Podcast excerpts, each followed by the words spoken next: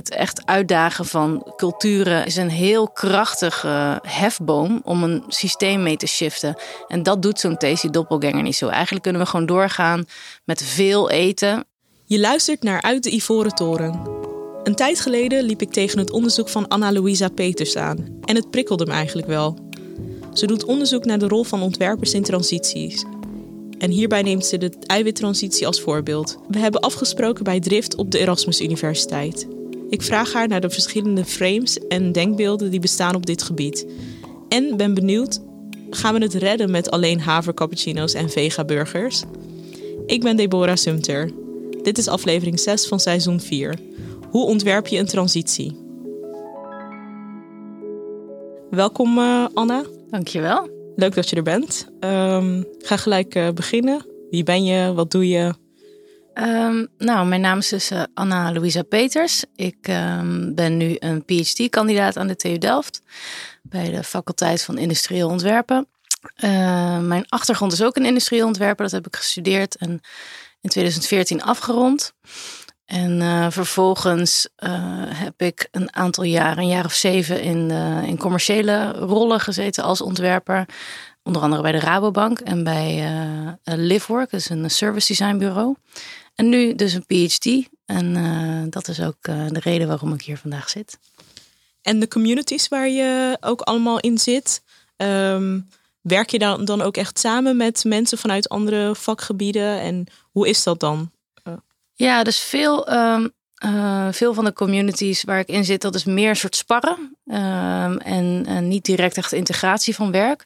Maar wat ik nog niet genoemd heb, is dat mijn, uh, dat mijn project onderdeel is van een consortium. Dus um, het is uh, gefinancierd door NWO. En we werken samen met de universiteiten van Wageningen en Utrecht. Daar lopen nog drie andere PhD'ers rond die parallel aan mij een stukje van die eiwittransitie proberen te bestuderen. We gaan nu bijvoorbeeld met de PhD uit Wageningen gaan we echt samen het volgende, ons volgende onderzoek doen.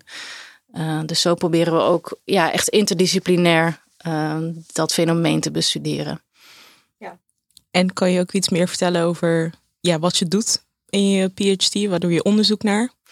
Ja, mijn onderzoek gaat over um, uh, hoe we kunnen ontwerpen voor maatschappelijke transities eigenlijk. En dan kijk ik in het bijzonder naar de rol van framing um, daarin. En uh, reframing met name is namelijk een vaardigheid die ontwerpers heel erg uh, in hun repertoire hebben. En we, we willen meer leren over hoe we dat kunnen inzetten voor complexe ontwerpcontexten. Um, uh, um, en ik pas dit allemaal toe op de eiwittransitie. Uh, dus ik kijk naar één specifieke transitie om alles binnen te leren. Maar uiteindelijk willen we wel kijken of dat te extrapoleren valt naar andere transities, zoals de energietransitie, mobiliteit en andere voedseltransities bijvoorbeeld. Ik heb gelijk uh, een aantal vragen daarbij. Wat is framing eigenlijk? Uh, framing is eigenlijk de, de activiteit van het kijken naar een situatie en daaruit uh, bepalen wat jij ziet als het belangrijkste probleem en wat je ziet als een passende oplossing daarvoor. Dus als jij bijvoorbeeld hè, in, de, in de context van de, de eiwittransitie, wat gaat over uh, onze beweging van het eten van dierlijke eiwitten, vlees en zuivel, naar meer plantaardig. Als je daarnaar kijkt en je zegt, ja, um, uh, de grootste reden dat wij die verandering moeten maken als maatschappij is dierenwelzijn. En een passende oplossing daarvoor is mensen wakker schudden met wat we aan het doen zijn met die dieren. Dat is dan je frame, je probleem en een oplossing. En dan kun je uitkomen op interventies zoals een wakkerdiercampagne. Dus uh, even ter illustratie van een frame. Wat is de eiwittransitie eigenlijk? De eiwittransitie is eigenlijk onze um, voedingsshift die nodig is um, met oog op duurzaamheid. Van uh, het eten van dierlijke eiwitten naar voornamelijk plantaardige eiwitten. En ook een paar alternatieve bronnen, zoals insecten bijvoorbeeld. Ja, dus uh, wat je nu bijvoorbeeld ziet is dat twee derde van de eiwitten die wij uh, in Nederland eten van dieren komen. En een derde van planten. Um, is dat zowel voor de, onze environment, dus de planeet en, uh, en, en, de aardbodem en dat soort dingen, als voor volksgezondheid um, niet zo gunstig. Dus wat we eigenlijk willen is die verhouding omdraaien. En daar gaat de eiwittransitie over. De eiwittransitie is één van de van meerdere transities die binnen het voedselsysteem op dit moment plaatsvinden. Dus je hebt ook bijvoorbeeld de landbouwtransitie en een transitie naar zero food waste. Dat is weer een andere. Duidelijk. En waarom moeten dan ontwerpers daar een rol in uh, spelen? Ik dacht dat ontwerpers zich altijd heel erg bezig hielden met producten ontwerpen. Waarom moeten ze zich met transities bezighouden? Transities die kenmerken zich heel erg door hun ontzettend complexe en dynamische aard. Je zou ook wel kunnen zeggen dat het over wicked problems gaat. Hè. Het is heel, um, heel gelaagd en uh, nou, erg ingewikkeld. En waarom ontwerpers daar een, uh, een hele uh, vruchtbare rol in kunnen spelen, is omdat zij heel goed in staat zijn, allereerst om uh, bruggen te slaan tussen verschillende disciplines. En dat is bij zo'n zo'n zo'n breed en complex iets als een transitie heel belangrijk. Maar wat ontwerpers ook heel goed kunnen, is um, met creatieve oplossingen komen en alternatieve toekomsten voorstellen en dat ook overbrengen aan andere mensen, wat ook erg aan de orde is bij transities. Hè. Waar naartoe dan? Uh, en, en nog iets is bijvoorbeeld dat ontwerpers het heel erg in hun vingers hebben om um, te experimenteren en door kleine dingen uit te proberen, te leren. En dat is uh, in transities um, van heel groot belang, omdat er zoveel bewegende onderdelen zijn, dat de, de enige manier om echt te leren is door dingetjes uit te proberen en daarop op door te bouwen. Dus ja, in die zin zijn ontwerpers erg thuis in die problematiek.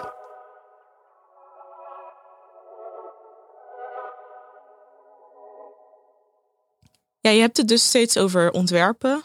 Um, dus je ontwerpt dan die frames. Maar ja, wat is dan uiteindelijk bijvoorbeeld het tastbare product dat eruit komt? Is dat, ja, is dat tekst of is dat uh, echt ook uiteindelijk een fysiek product of een service? Ja, dat kan dus heel divers zijn. Dus misschien om een beetje um, uit te leggen hoe, hoe ik frames en de uiteindelijke producten ten opzichte van elkaar zie. Uh, alle interventies waar ontwerpers mee komen, uh, komen voort uit een frame. Dus eerst is er, is er een frame dat is bewust of onbewust ontwikkeld en dan ga je iets maken. En dat uh, manifesteert zich voor de, de ontwerper in bijvoorbeeld fysieke producten, zoals een, een Beyond Meat burger. Of platforms zoals een, een, een, een een onderwijsprogramma op een basisschool om vers te leren koken. Uh, maar het kan ook een, uh, een beleidsmatige interventie zijn, zoals uh, true pricing invoeren in de supermarkt. Dat je de, de, duurzaamheid, de, duurzame prijs betaalt voor, voor producten. Dus best wel divers. En, maar het kan ook een campagne zijn, een documentaire. Um, ik rek hem zelf soms op naar activistische dingen en, en kunst. Uh, dus dat instrumentarium van de ontwerper zie ik als best wel breed. Uh, en um, ja, bij deze ook een paar voorbeelden erbij om er een beeld bij te hebben.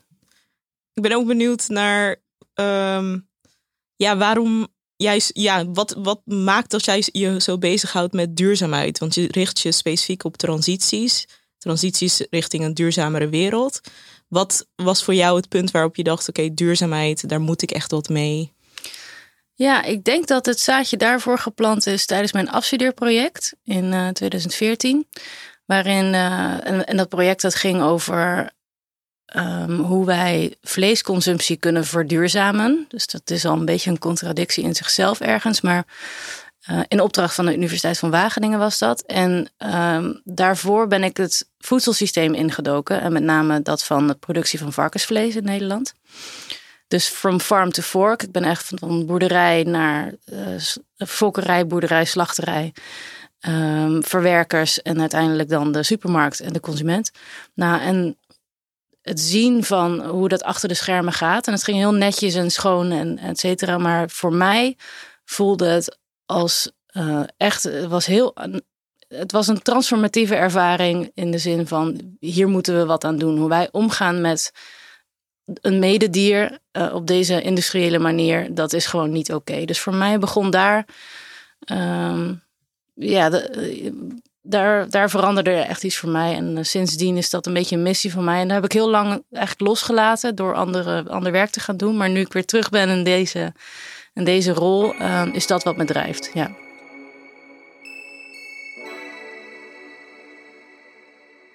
Wat heb je dan bijvoorbeeld tot nu toe al ontdekt en wat wil je, wil je nog doen? Uh, daar kan ik wel wat van delen. Dus, mijn onderzoek gaat natuurlijk over frames en dan binnen die eiwittransitie.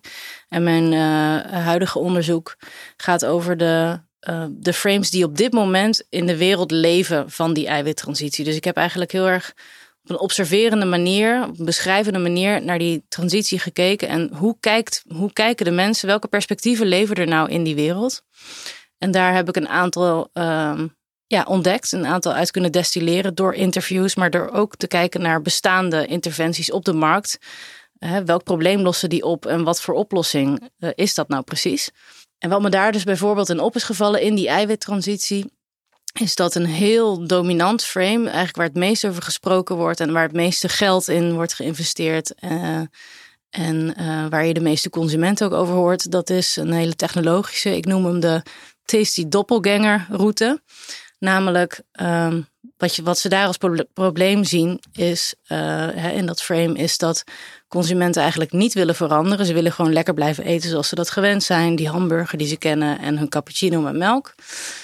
Nou, wat, wat is de passende oplossing? We moeten technologieën ontwikkelen om die dierlijke producten van vlees en zuivel uh, zo goed mogelijk na te bootsen, te imiteren met uh, analogen noemen ze dat.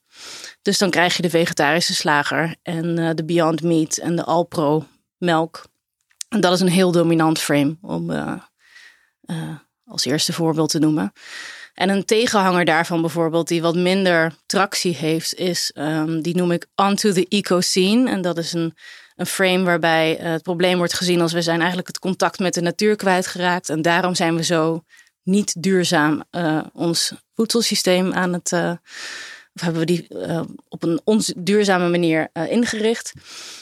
En het antwoord daarop is dat we weer meer gaan samenwerken met de natuur, er dichter op gaan zijn, lokaler, en lokaler gaan produceren en gaan minderen in onze consumptie van bijvoorbeeld dierlijke eiwitten. En um, dus meer een soort hands-on die verbinding met de natuur weer herstellen. En dan kun je denken aan interventies zoals bijvoorbeeld zo'n herenboerenboerderij. Ik weet niet of jullie dat kennen. Dat is een circulaire uh, boereninitiatief waarbij um, er een, een boerderijen vlak naast de stad worden opgezet waar uh, mensen uit de stad lid van kunnen worden. En daar betalen ze dan ook voor. En dan kunnen ze direct van het land eten. En ja, dat is een, een heel ander type antwoord dan de tasty doppelganger, om het maar zo te zeggen. Ja, dus dit zijn even twee voorbeelden van verschillende frames die ik al heb gezien. En zo heb ik er nog meer. Wat kan zo'n ontwerper doen? Wat voor interventies? Waar moeten we aan denken? Ja. Nou, um, mijn stelling is dus om te kijken van welke frames zien we niet. Dus ik ben nu aan het kijken, ik heb nu een soort landschap van hey, dit bestaat er al wel. En eh, ook een, een evaluatie van hey, deze zijn effectief om deze en deze reden, hè, deze frames en bijbehorende interventies. Hè, dus een, een soort evaluatie van hoe krachtig zijn ze nou echt in het stimuleren van die eiwittransitie. Maar ook wat doen we nog niet? Welke frames zijn er niet? En daar komen dan ontwerpers goed bij kijken van ga aan de slag met het reframing en kom met iets anders. Uh, ook omdat um, om, om zo'n transitie als die van de eiwittransitie te versnellen, is diversiteit aan oplossingen heel belangrijk. Dus je wil zoveel mogelijk verschillende dingen doen naast elkaar. Um, en uh, als we alleen maar inzetten op die tasty doppelgangers, dan uh, is uh, de kans dat die eiwittransitie uh, versnelt en ook de juiste kant op versnelt, dat is nog een ander aspect ervan, is kleiner dan wanneer je meer verkent en die waaier breder maakt. Dus uh, ja, dat is dan de uitnodiging aan ontwerpers straks.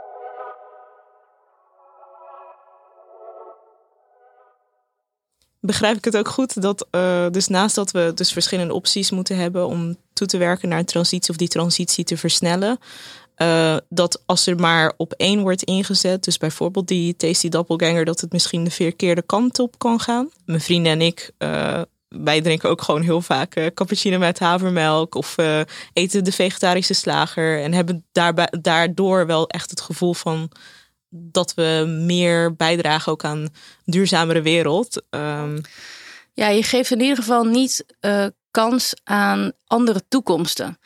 En, ehm, en, het risico daarvan is dat je een soort vervroegde lock-in komt van, hè, van die deze doppelganger, dat is het antwoord. En dat alle systemen en alle actoren in dat systeem uh, volledig gaan inzetten op die ene route. En, ehm, en daarmee het, het voedselsysteem ja, vastzetten. En uh, uh, ja, betere of misschien rijkere of, of uh, kwalitatief uh, interessantere routes daarmee blokkeren. Dan blijft dan toch nog de vraag staan: waarom moet je dat ontwerpen? Waarom is ontwerp dan zo belangrijk? Ja, dus stel je zou niet ontwerpen en je zou um, in die zin. Nou, wat je dan, wat je dan mist, is een, uh, een activiteit waarin heel bewust bepaalde toekomsten worden uh, bedacht. En daarop wordt voorgesorteerd. Dus wat je dan waarschijnlijk zou krijgen, is mijn inschatting, is dat de, de markt meer zijn werk gaat doen. Dan krijg je heel veel tasty doppelgangers. En, um, en allerlei alternatieve oplossingen die um, voor het gehele systemische um, probleem antwoordjes zouden kunnen zijn, subantwoordjes zouden kunnen zijn, naast die doppelgangers, die krijgen geen kans. Uh, en ik wil nog even erbij zeggen dat die doppelgangers echt prima zijn. Hè? Maar um, het risico is dat als je, als je niet uh, interveneert, dat, um, dat, er, dat er soort van één pad um, heel diep gaat insluiten. En daarmee gaan we misschien naar een toekomst toe, met z'n allen, die niet uh, optimaal is. En uh, we geen kans hebben gegeven aan alternatieve toekomsten die onderaan de streep voor een meer duurzame en uh, rechtvaardig plaatje zouden zorgen.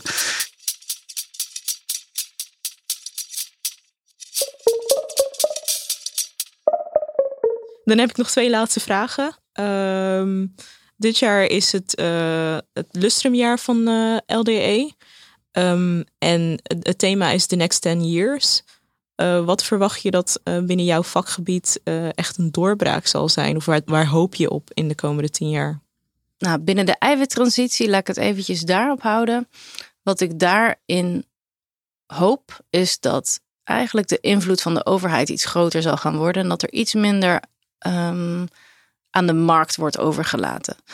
En daarbij ook dat er een internationale blik wordt gebruikt door die overheid. Omdat je, je kan Nederland eigenlijk niet loszien van, uh, van, uh, van onze buren als het gaat om voedsel. Dus um, dat is waar ik heel erg op hoop. En wat betreft hè, mijn, uh, mijn vakgebied design, hoop ik dat transition design echt tractie krijgt. En dat lijkt het ook te hebben. En uh, ja, en dat ontwerpers um, langzaam in die systemen uh, een goede plek krijgen en uh, mee mogen zitten draaien aan die knopjes. Ja. Spannend. de laatste vraag. we hebben vragen altijd de vorige gast om een vraag te formuleren voor de volgende gast. En we hebben in dit geval hebben we Daphne Truijens. Ze is filosoof. Ze kijkt onder andere naar uh, rationaliteit en uh, of ja, hoe rationeel mensen zijn. En in haar onderzoek ziet ze ook voor twee verschillende kampen die uh, heel erg um, ja, met elkaar in, in, in gevecht zijn. En ze heeft een vraag voor jou. Hm. Waar ik heel benieuwd naar ben, is um, mijn intuïtie is dat designers veel meer, of in ieder geval een bepaald soort designers, altijd beginnen met de eindgebruiker in gedachten. Dus hoe kijk jij naar de rol van design als uh, ja, gefocust op de eindgebruiker of het einddoel en reken je dan terug? Zeg maar. Kijk je op die manier naar design? Of doe je er iets heel anders mee?